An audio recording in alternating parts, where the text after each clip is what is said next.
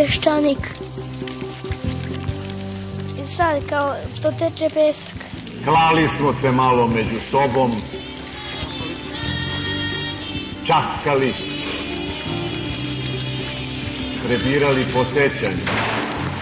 Srbi krenuli za kulturom, za civilizacijom evropskom, za modom evropskom. O, leševi srpski!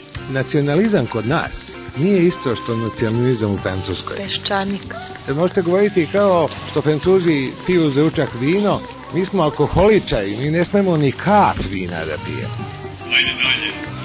Napustimo mračni i sramni Beograd. Iza nas nerazuman lelek nedostojnih, Peščanik. ispred nas ciljevi uzvišeni, Ovde ljudi još uvek masovno misle da socijalizam nije tako reći. Može, treći put vodi pravo u Afriku. Ekonomski uvek, ako hoćemo tamo, onda smo na pravom putu. iznad nas zver koja nas vodi putevima gospodnjim.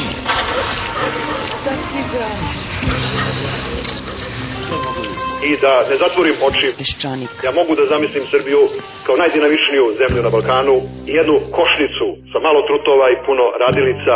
Ako ne uspemo, niko nam neće biti kriv. I dugo smo, dugo još putovali. Dakle, mi smo izgubili 5. oktobar, da tako kažem. Nepredviđen. Na televiziji vidim da se i rezultat drugog svjetskog rata promenio. Ugleda smo u bistroj vodi naša lica Prema tome, ja očekujem da će Srbija krenuti u nešto novo tek kad pobedi Turke na Kosovo. i iznenada priznut smo u plaću. Peščanik.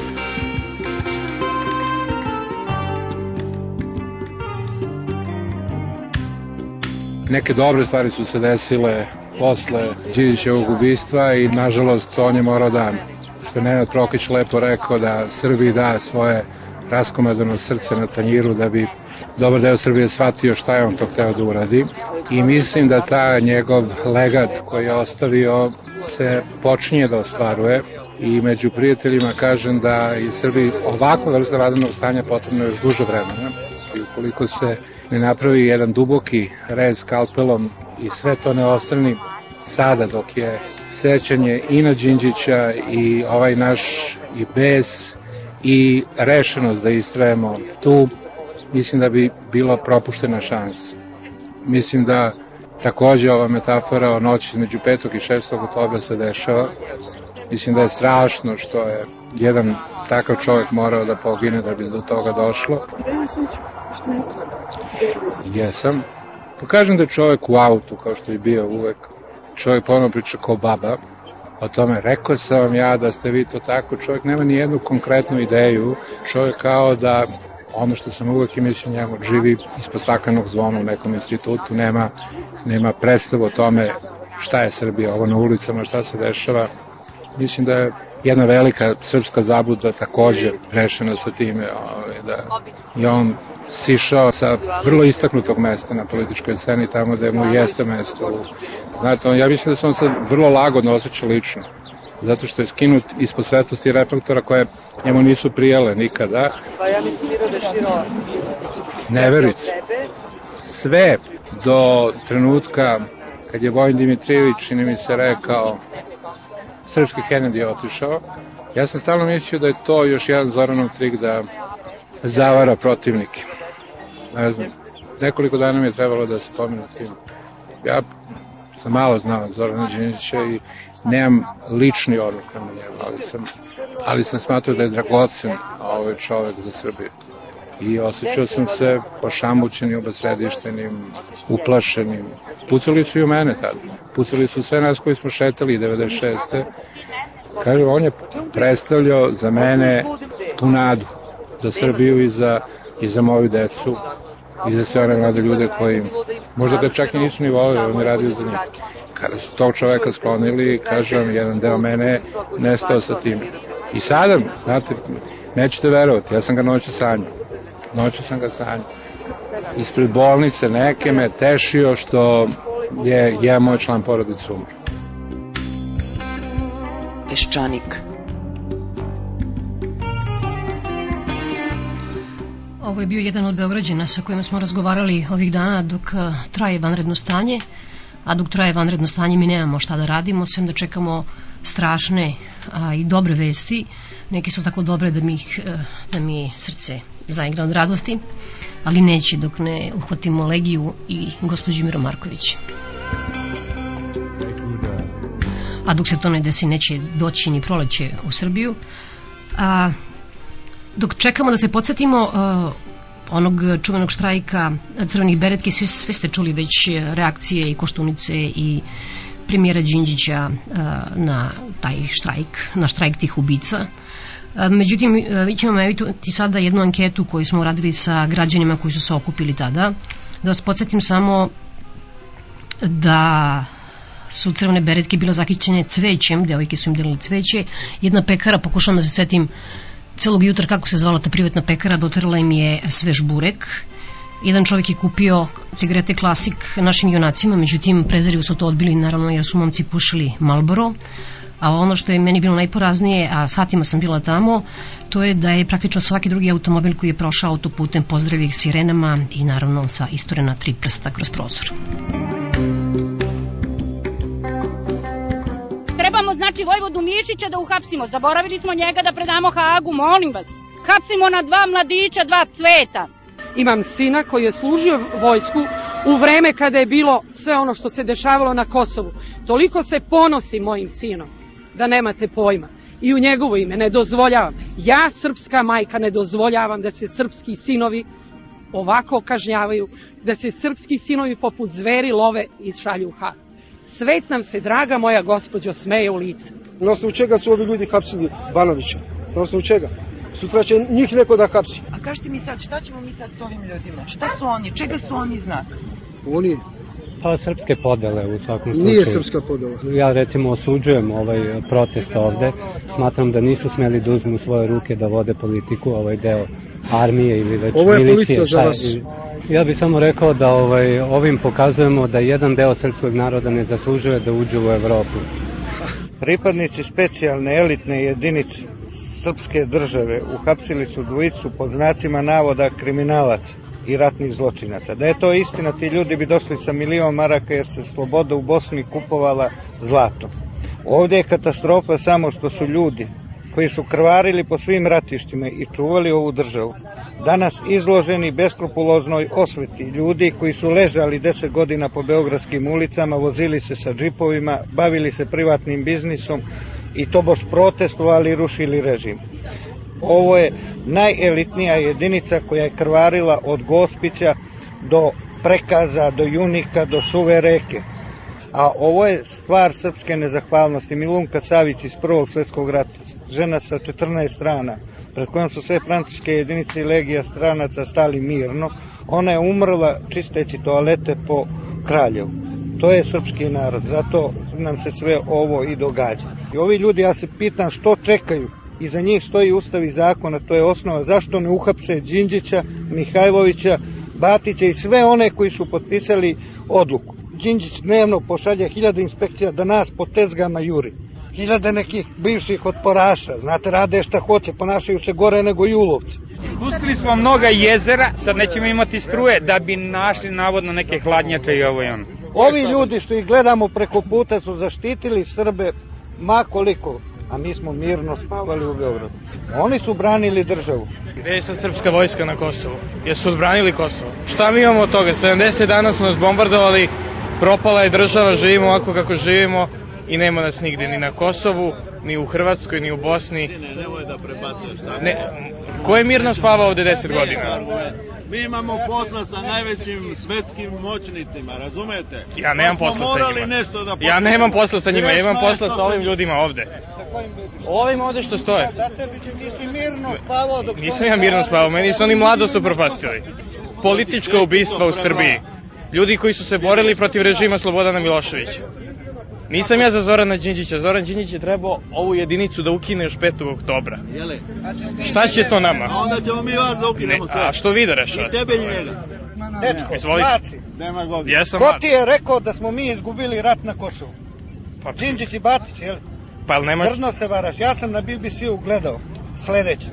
kaže, jugoslovenska vojska se sa Kosova posle 78 dana bombardovanja povukla u savršenom redu. Higijenski se dobro održava, lepo je obučen. Pa to loše, ali treba da budem prljav, e, zapušten. Ne, Francuz bi ti zavideo. Hvala na komplimentu, ali, ali nisam ja u tom...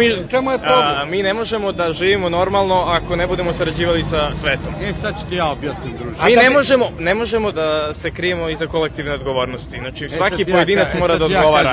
I, I mi moramo da žrtvujemo makar 10-20 ljudi da bi cela nacija krenula napred. A ko je ubio 600 ljudi u Srbiji u zadnjih 10 godina? Pa, pa, Ko je ubio Slavka Ćuruviju? Ti ljudi mirno ne spavaju. Ma, spavaju oni mirno zato što ova država im nije došla glave. On pominje nekih hiljadu maraka. Ovi ljudi trebaju da imaju 5000 maraka, već ga da imaju nova odela, da imaju... Ovi ljudi moraju da se čuvaju ko zenica oka. I da im se daju svi uslovi i da se isključe iz njih odlučivanja o njima Čeda Jovanović, Partić, Mihajlović. Jer ovo su srpski vitezovi.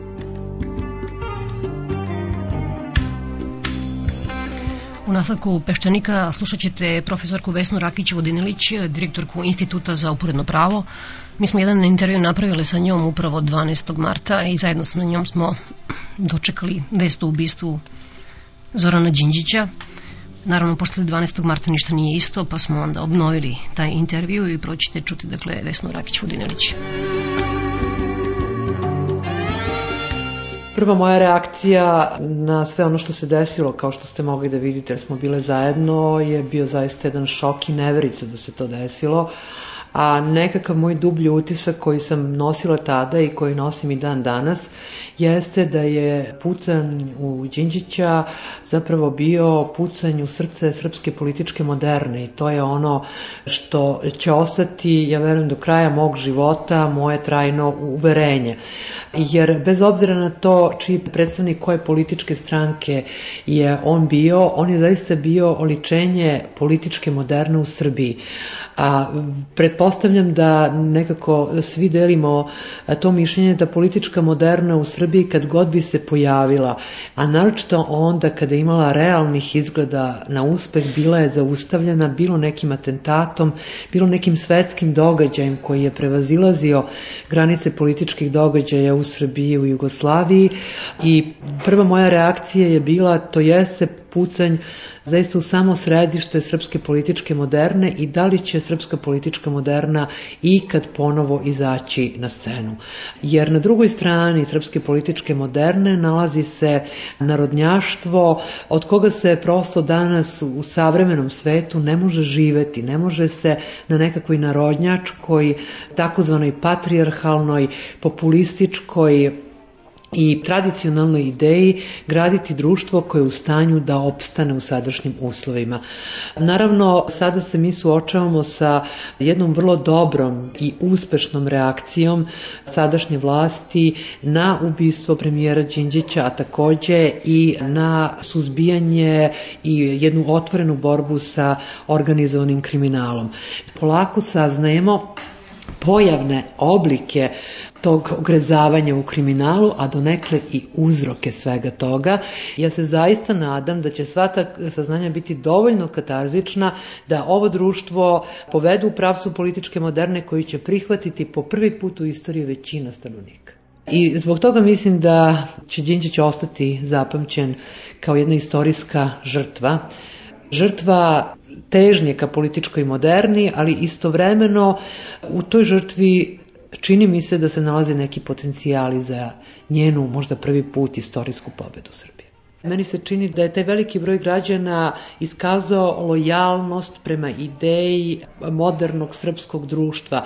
Možda kod e, svih njih nije ta ideja do kraja razvijena, možda i ne shvataju sve konsekvence te ideje, ali sam ubeđena da je to e, zapravo iskazivanje lojalnosti prema promenama koje treba da se dogode. Takođe čini mi se da je to bila poruka da vlast posle Đinđića može računati na lojalnost do onde e, dok ostvaruje te ideje čije on oličenje bio.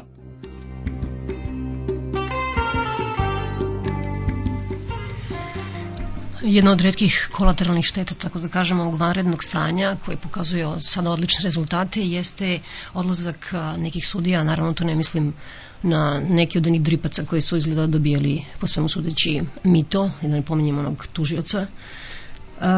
Reč je ovde o nekim sudijama Vrhovnog suda, Zoran Nivošević je otišao iz sudstva i gospođa Leposava Karamarković pod pritiskom očigledno morala da podnese ostavku. Evo kako gospođa Vesna Rakić-Vodinilić to tumači.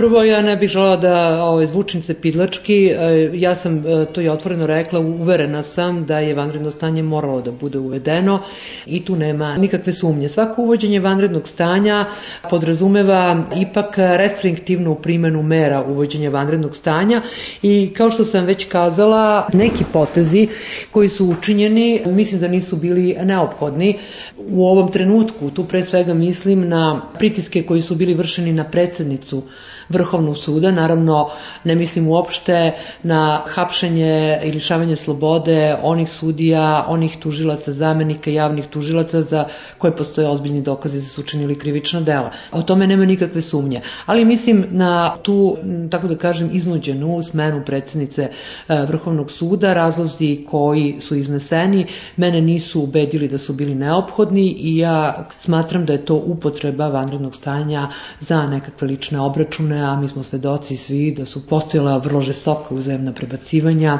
između ministra pravde i ranije predsednice Vrhovnog suda.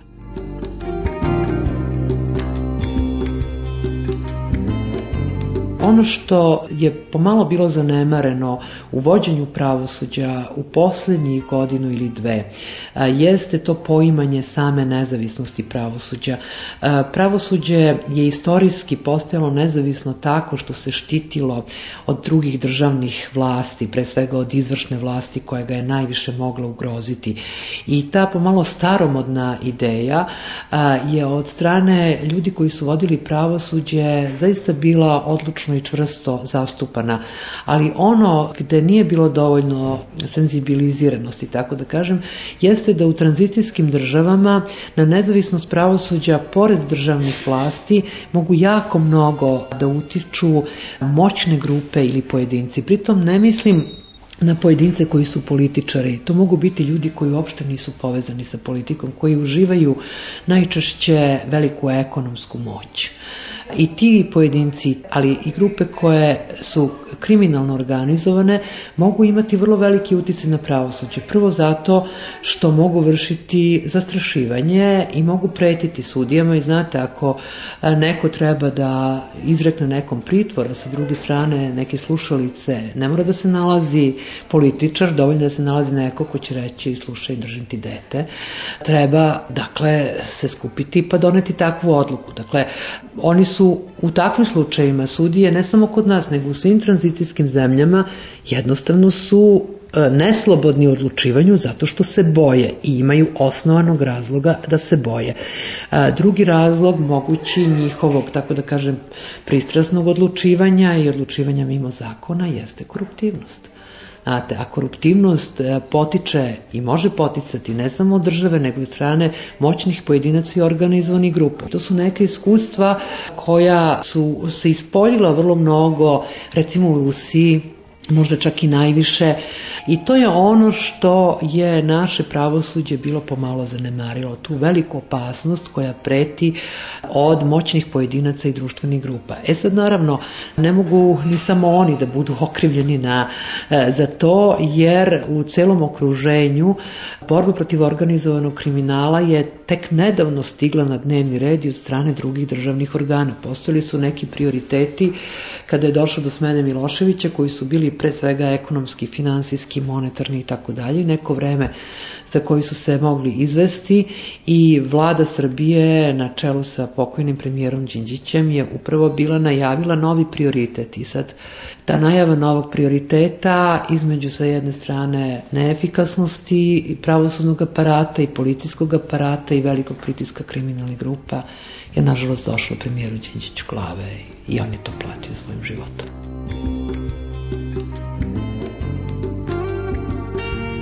U svakom slučaju ono što se mora reći jeste da su vlada i određena ministarstva uspeli da se priberu posle smrti premijera, iako je on imao veliki autoritet i uživao veliko poverenje.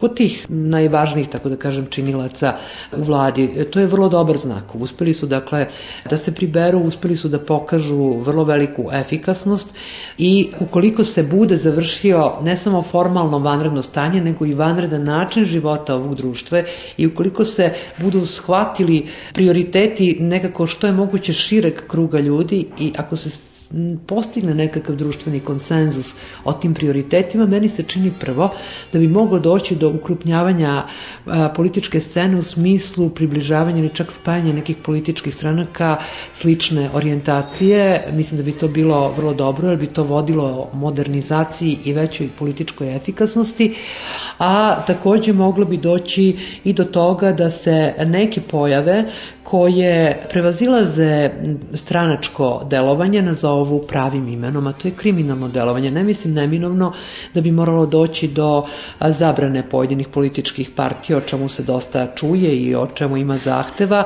Potrebno je identifikovati eventualnu kriminalnu delatnost, dakle sa stanovišta pravne odgovornosti pojedinih političkih prvaka. Naprimer, u krivičnom pravu, znate, odgovara ne samo onaj ko je neposredni izvršilac, a izvršilac odgovaraju podstrekači, odgovaraju pomagači, odgovaraju oni koji prikrivaju tragove krivičnog dela.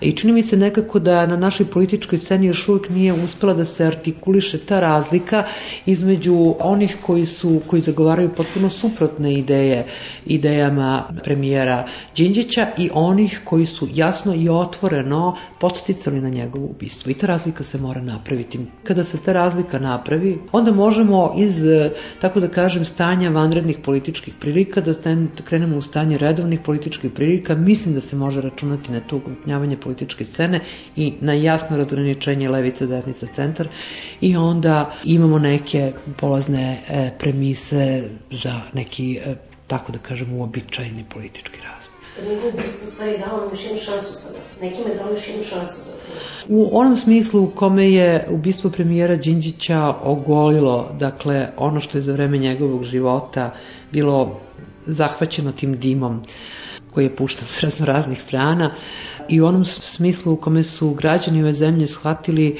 tek smrću premijera Đinđića da je on vodio Srbiju u poželjnom pravcu, bez obzira šta mislili o ovoj ili onoj političkoj orijentaciji ili potezu. Dakle, ako je ta katarzična svest ne ostane samo svest toga trenutka, nego pouka za budućnost, onda sam ja potpuno ubeđena da ćemo se mi izvući i onda u tom smislu bi se moglo reći da je taj strašan događaj bio od pomoći, premda je to zaista cinično tako posmatrati.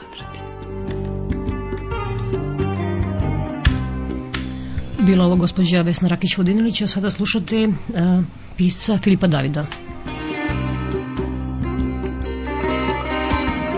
bio sam šokiran, ali nisam bio iznenačen. Jer sve je išlo ka tome. Konačno je urađeno ono što je trebalo se uradi odmah, posle 5. oktobra. Nisu imali dovoljno snage i nisu bili toliko ugroženi kao što su sada ugroženi. Sad je ono što je rekao Živković odmah neposredno posle Đinđevog ubistva, ne treba narod na ulici toliko se plaši, ali mi političari smo u prvoj liniji i milion.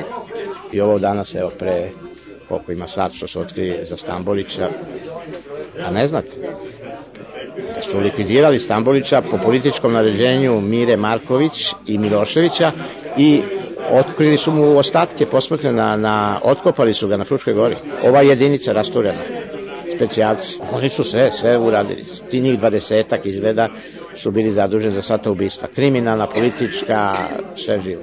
Još je ostalo to sa Čuruvijom da se razjasni, onda je sve razjašnjeno, onda više nema. I to sad ide stravičnom brzinom. Znate, sad se to odmotava jer očajno je neko tamo progovorio. Ti kompromisi koji se prave uvek ti truli sa bilo kim, da oni se uvek razbijaju glavu na kraju. Ako vi pravite 5. oktober, dogodi pa, a neophodna je ta pomoć onda i taj 5. oktobar više neće biti to što je bio. Dve godine pričamo, bio 5. razočarani smo, ništa se ne radi, daj, a nije ni moglo jer ovi ne daju. Ovi koji zapravo drže kontrolu lovom, svojim poslovima mračni, tako da oni su uzeli političare pod svoje. To je bilo, znate, I ovo, ovo je pravo čudo. Je sad samo pitanje hoće li biti dovoljno snage u ovim vlastima našim takve kakve su da to urade do kraja jer e, čim se bude ukinulo vanredno stanje počinje politička nestabilnost. Koštunica, vidite njegove izjave, oni sve rade da tu stvar zaustave, a oni su omogućili, ne možda direktno da su dali neki imprimator, da su rekli radite to, ne, nego su omogućili time što ništa nisu radili. E, Koštunica ništa, evo juče ponovo priča na B92, slučali ste. On iste teze svoje i, i to je najveća opaznost da dođe neko takav koji svaku stvar zakoči. Tako da sad mi verovatno, posle svih ovih otkrića i ovih stvari i nešto što se događa u poslednje dve, tri godine, neke događaje, neke afere, treba ponovo da stavimo pod lupu malo da uh, istražimo, da vidimo koliko je tu bilo ovaj neke namere da se neki ljudi kompromituju, a koliko je bilo nekih stvarnih činjenica. Ako se sećate ta afera oko cigara, Subotica, neko je Zagrebački nacional pokrenuo. Evo sad se pokazuje zapravo da je to bilo pokrenuto iz nekih centara kriminalni da bi kompromitovalo Đinđića, Đukanovića, sve ove struje koje su reformske. A ukazivanje na takve stvari, evo setite samo onog našeg pisma, ova grupa intelektualca, pismo upozorenja koje uputira pre nepunih godinu dana, kako je od mnogih institucija upravo dočekano noža. Mi smo na te stvari ukazivali. Samo na to da te ekstremne grupacije, da su one te koji potkopavaju temelji osnovne države i da mora vlada se probudi da nešto preduzme. Nažalost, preduzeto je postoje to Đinđić platio svojim životom. Znate, to, je, to je neka cena koja je visoka, ali se izgleda morala platiti. Morala se platiti, jer da toga nije bilo, mi bismo totalno potonuli, apsolutno bismo potonuli.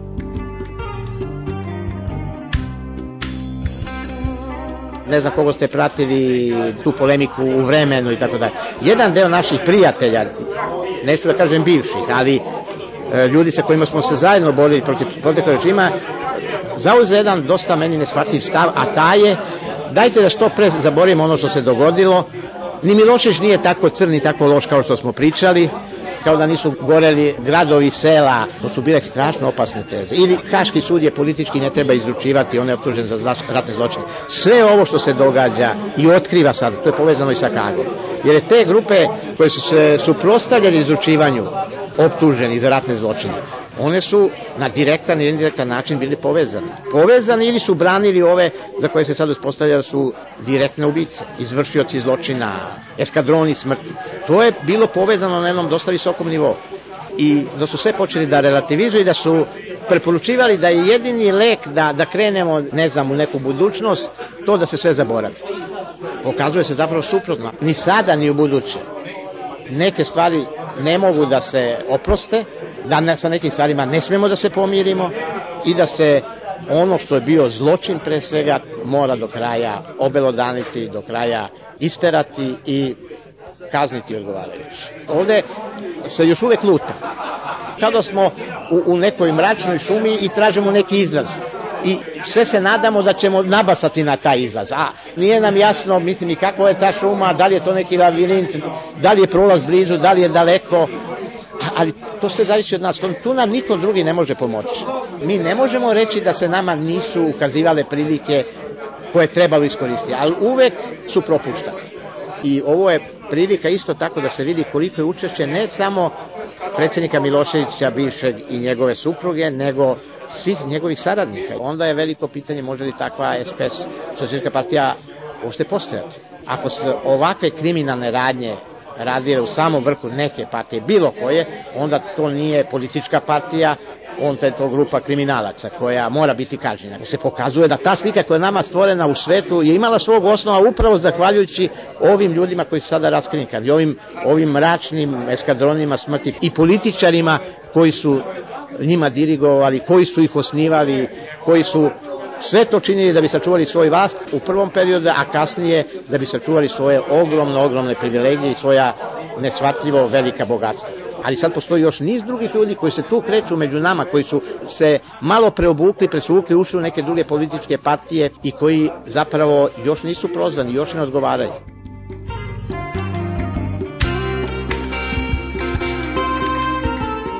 Peščanik. Govori profesor Ljubiša Rajić. 5. oktober je bio kulminacija u drami. Ovo je ovde sa ubistvom Zorana Đinđića peripetija koja uvek postoji u nekoj drami i za nje tek sledi epilog ili završnica te drame. Pamtim, negde 94. je bilo, stojalo je dosta nas u redu, trebalo nam mleko je valjda stiglo, ne pamtim tačno šta je bilo, a onda jedan policajac mrtav ladan prošao pored nas, ušao unutra i uzao koliko je hteo. I nikomu nije smeo ništa. Sad sam se osetio podjednako poniženo. Gospode Bože, zar o mom životu, životu moje porodice, mojih studenta, mojih prijatelja odlučuju ljudi čiji su nadenici, paco, budala i tome slično.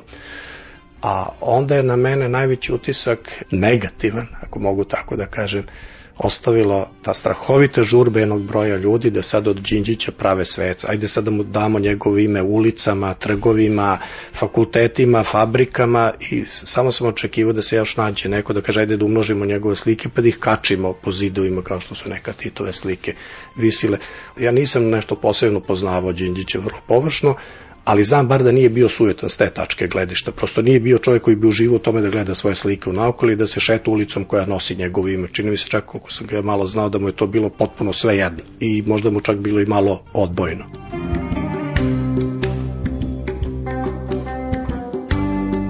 Ljudi stvarno žele da najzad žive normalnim životom i svesni su da normalnog života sa herojima kao što je Legija nema. Na neki način su me reakcije podsjetile na jednu rečenicu koju sam čuo negde pred sam 5. oktobar na nekim od ovih demonstracija na ulicama kad mi jedan čovjek potpuno nepoznan rekao za onu bivšu vlast, pa šta mogu da nam učine? Ne mogu ništa više da nam učine, mogu samo još da nas ubiju. E, sad su počeli da ubijaju, sad ovo mora da bude poslednji čovjek koji će ovde biti ubijen, inače ništa što smo do sada radili nema nikakvog smisla. Pa kad sam onda bio pred republičkom vladom, gde ona bila savršena mešavina novinara, radoznalaca, policije, stranaca i svega i svačega.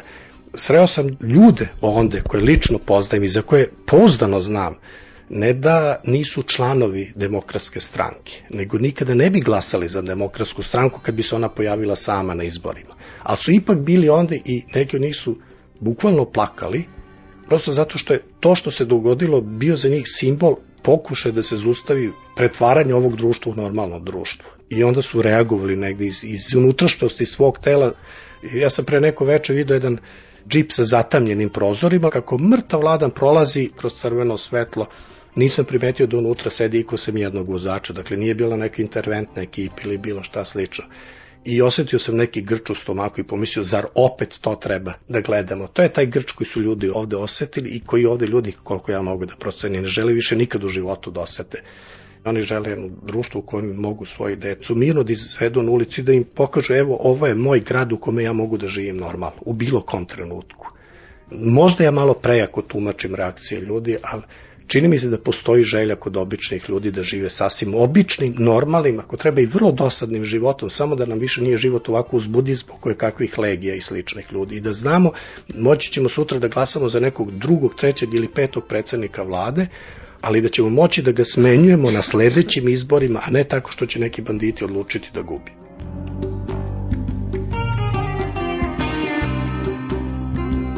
Crkva je iskoristila preko Alfilohija Radovića ovu priliku da iznese svoj politički program. Oni su stvari hteli da objasne na grobu Zorana Đinđića zašto se oni zalažu politički u ovom društvu. Jer crkva ima strahovitu ambiciju ne da bude posrednik između vernika i Boga, nego hoće da bude posrednik između građanina i države.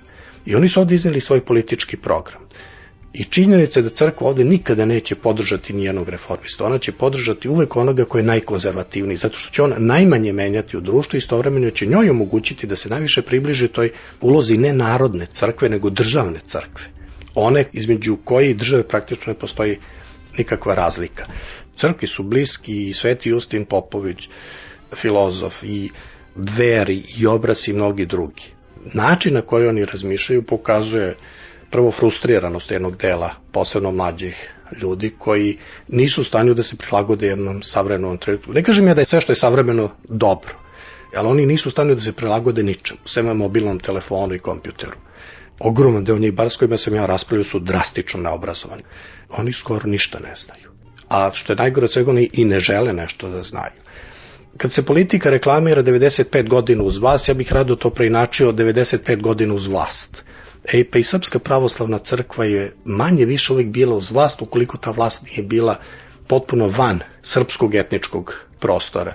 Ipak smo Irineja zvali crveni episkop. Se znalo da je držao Miloševićevu sliku na zidu. Filaret je bio vrlo blizak i ekstremnoj desnici i prethodnim vlastima. Nije ništa slučajno da policija pretresa taj manastir. U čitavoj ovoj stvari se samo pokazuje da bi u crkvu u stvari mnogo više volela da je na mestu Zorana Đinđića bio neko drugi. Zašto je sad pokojni Đinđić toliko pokušavao da se približi crkvi, toliko pokušavao da je umilostivi, jer će ostati uz sve dobre stvari zapaćeni po tome što je uveo on i Gašo Knežević, što su uveli veronauku u školu, po tome što je vodio odbor za prikupljanje darova za izgradnju hrama Svetog Save i tako redom, a da Tiba u suštini ni za trunčicu nije crkvu približio bilo kakvim reformama. On je samo njima učinio uslugu jer crkva jednostavno ne želi reforme, ne želi ni unutar sebe, ne želi ni van sebe.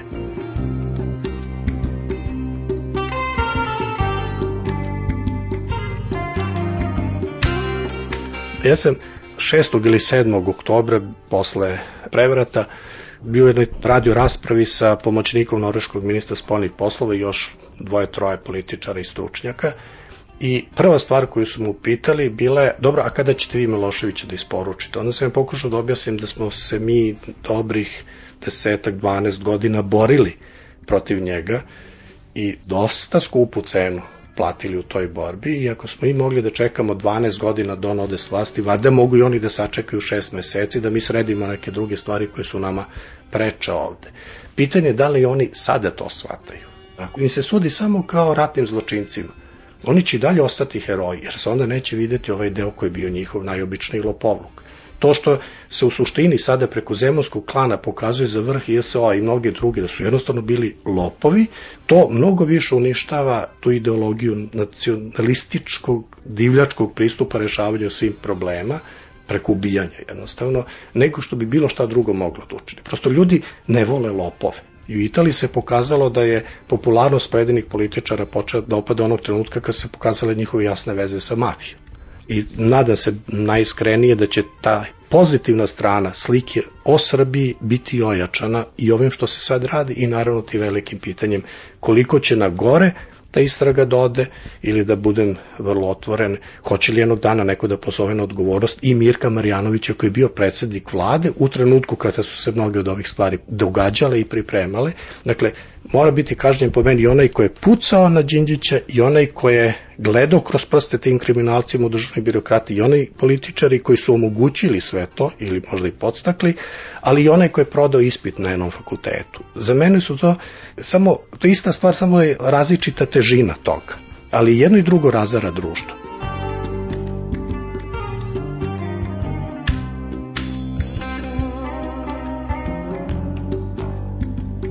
On je, on je ubijen i to je gotovo. Znaš, nema povratka za njega. To je učinjeno. A za nas e, bit će nekih promena, ali ne verujem da je na bolje. Verujem da je on bio jedan od boljih ljudi u našoj vladi i da to izgubljeno sad. Trebalo je odmah da se uvede maretno sanje. Sad je, sad je kasno.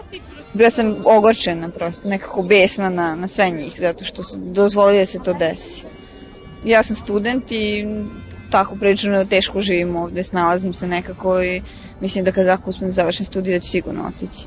Upisao sam šumarstvo tako da se nadam Kanadi ili tako nekoj zemlji. Verujte da se ne osjećam bezbedno. E, radim u jednoj apoteci još više, tim još više imam ovaj grč i ja i kolege, tako da mislim da će još mnogo toga čuti. I drago mi je da je počelo nazad da se to klupko odmotava, da se vidi koje su čije strane. Bolji kad neko nikad, jel?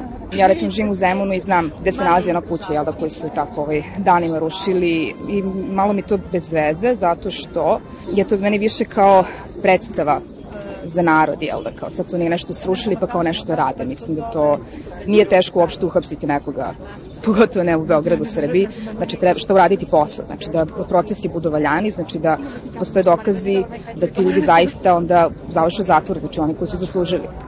Da se ne obrukamo ovo više nego što već do sada jesmo. Pa, prilike smo sada turistička meta, mislim, ako hoćete ono se sve da imate i bombardovanje i vi ste premijera i sve možete da živite ovde da vidite ono znamenitosti prilike gde je ubijen premijer, gde je, ne znam, cecina kuća i ostalo, mislim, to je strašno. I koliko devojčica recimo se ugleda na, upravo na tu cecu i obožava njenu muziku i praktično je finansira.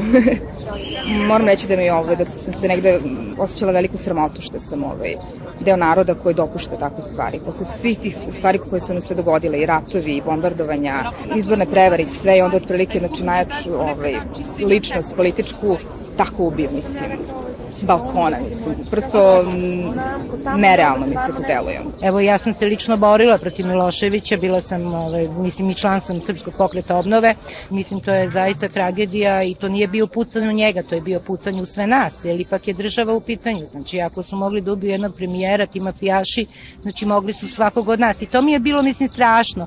Šetajući ovim gradom mi nismo znali ko se sa nama zajedno šeta. Znači, sa nama zajedno su se šetale ubice što je strašno. Jedino mi to se malo ne dopada kada su prikazali kako se Luković u stvari umeša u taj 5. oktobar preko Đinđića, kako je Luković praktično uhapsio Miloševića, opet preko Đinđića, to je ono što mi se ne dopada. Znači mi smo ipak zavisili od tih ubica. Tako da mi je to strašno i veoma mi je drago sad ovu dvojicu juče čujem da su uhvatili, e sad tog Lukovića isto tako treba da ga ubiju i kraj priče i da završimo onda sa tim kriminalcima.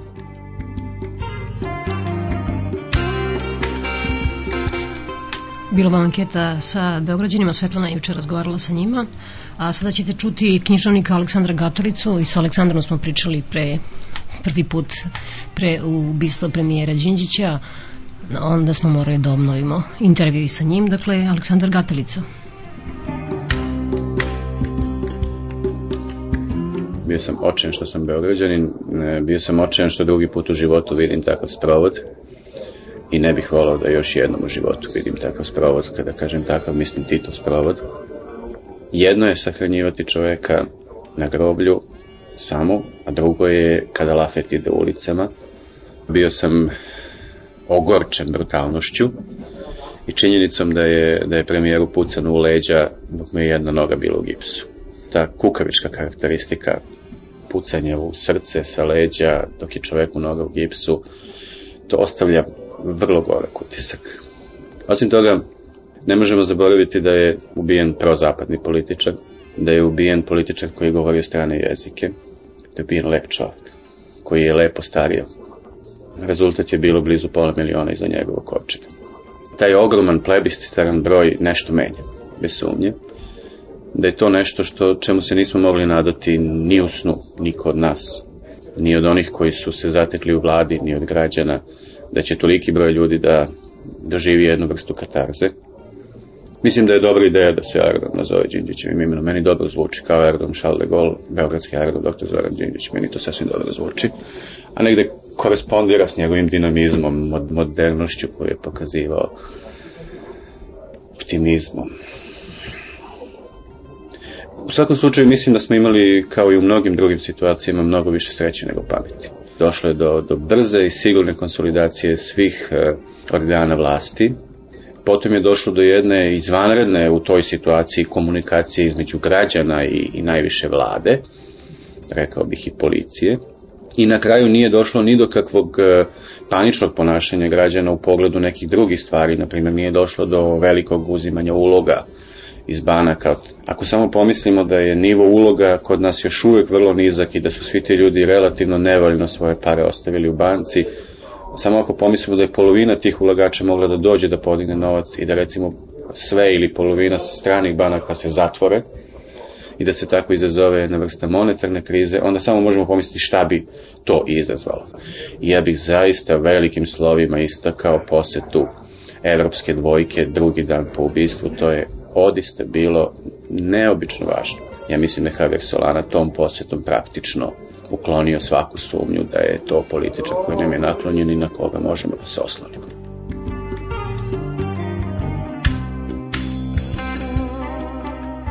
Sve mi to podsjeća na situaciju iz, iz knjiga Karla Popera, koji je rekao da se demokratija mora braniti nedemokratskim sredstvima pred onima koji hoće da koriste njene slabosti.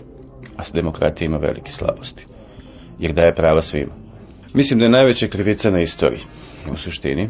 Mi nismo, ponovo se vraćam, e, valorizovali istorijska kretanja u 20. veku. Mi nismo valorizovali istorijska kretanja ni u jednom veku, kako valja. Neću da idem mnogo daleko u prošlost. Mi apsolutno nećemo se pomeriti ni jedan korak napred ako sve ono što se dešavalo u 20. veku ne bude sankcionisano.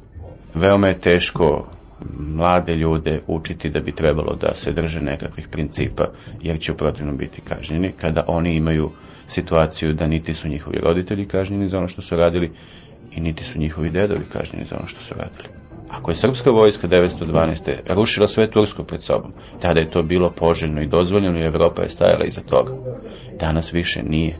Haški sud po svim tačkama vrlo jasno hoće da kaže da više nije moguće voditi nikakav rat u Evropi, a da se istog dana, prvog dana ratovanja, ne prekrše pravila rata. To više nije moguće. Naime, pravila rata postoje prema modelu ratovanja iz 19. veka. Kada su vojske na vojske udarale na nekakvom polju, tukući se topovima, mimo sela, bez učešća civilnog stanovništva i bez civilnih zločina. Danas to više nije moguće. Onog momenta, onog momenta kada se s jednog plota zapuca na drugi plot počinio se ratni zločin.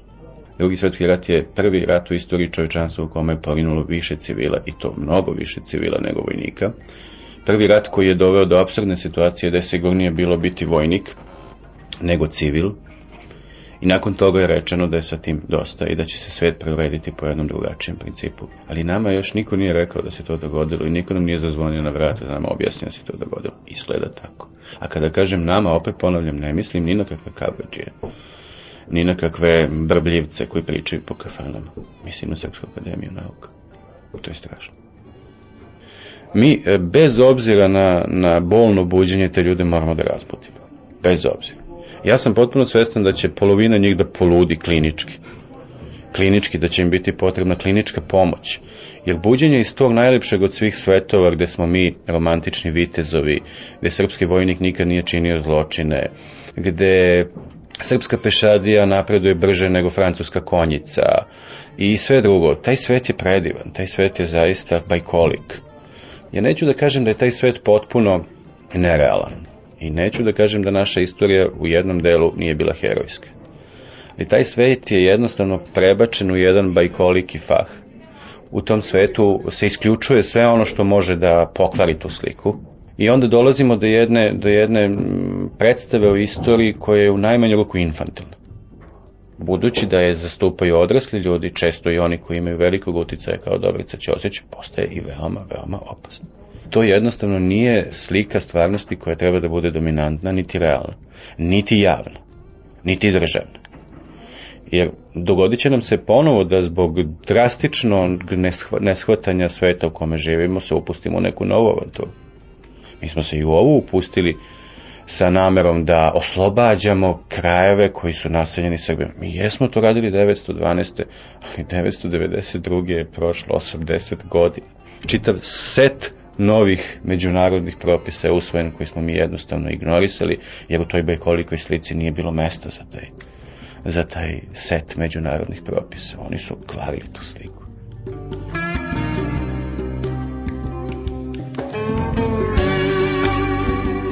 Sve se ostavlja za neku drugu priliku, za neko drugo vreme, a za to vreme se koketira sa svim stranama, pa i sa srpskom pravoslavnom crkvom koja je jedna od najvećih stranaka u Srbiji. Jedna vrlo ozbiljna stranka gde ima vrlo ozbiljnih inteligentnih igrača i koja ima najviše regionalnih odbora u Srbiji.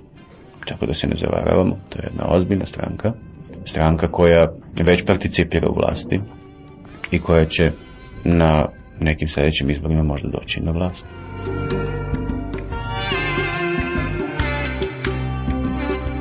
Mi jednostavno živimo kao treća ili četvrta generacija onih koji nemaju više svojih korena. Treća najmanje. Ne može se očekivati da unuci postavljaju stvari na svoje mesto kada su im već očevi i dedovi bez korena, bez identiteta, praktično.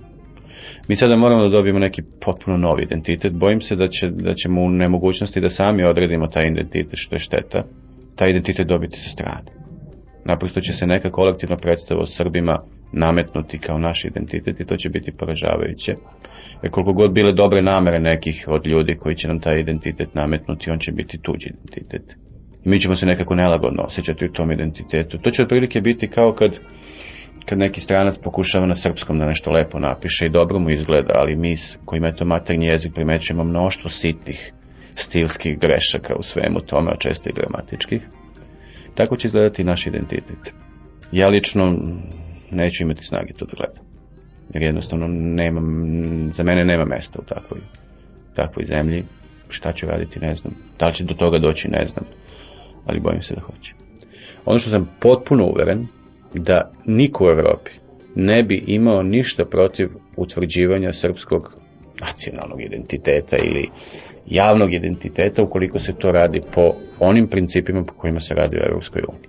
To nije neka osobita nauka, mi jednostavno treba da se raspitamo kako se to radi, kako se utvrđuje francuski nacionalni identitet i kulturni identitet, ili belgijski, ili luksemburški, i da jednostavno to tako i u tim merama i radi. Ja lično se smatram Srbinom, ja se lično smatram srpskim piscem i ne smatram se manje srpskim piscem od Dobrice Ćosića. Ja trenutno uređujem u Srpskom pen centru godišnjeg srpske književnosti za 2002. godinu. Ja se nalazim u upravi Srpskog pen centra ja nikad neću reći da sam anacionalan. Ali moje pripadništvo naciji je drugačije od Dobrice Ćosića. Moj literarni svet se ne hrani stereotipima nacionalne prošlosti, niti rodnom grudom. Tako da ja negde mogu svoj svet da nosim sa sobom. Tomas Mann je rekao, Nemačka je tamo gde sam ja. Ja neću reći da je Srbija tamo gde sam ja, pošto bi to zvučalo pretencijozno, ali mogu da kažem da je za mene Srbija tamo gde sam ja. Ja ću biti srpski pisac i u Los Angelesu.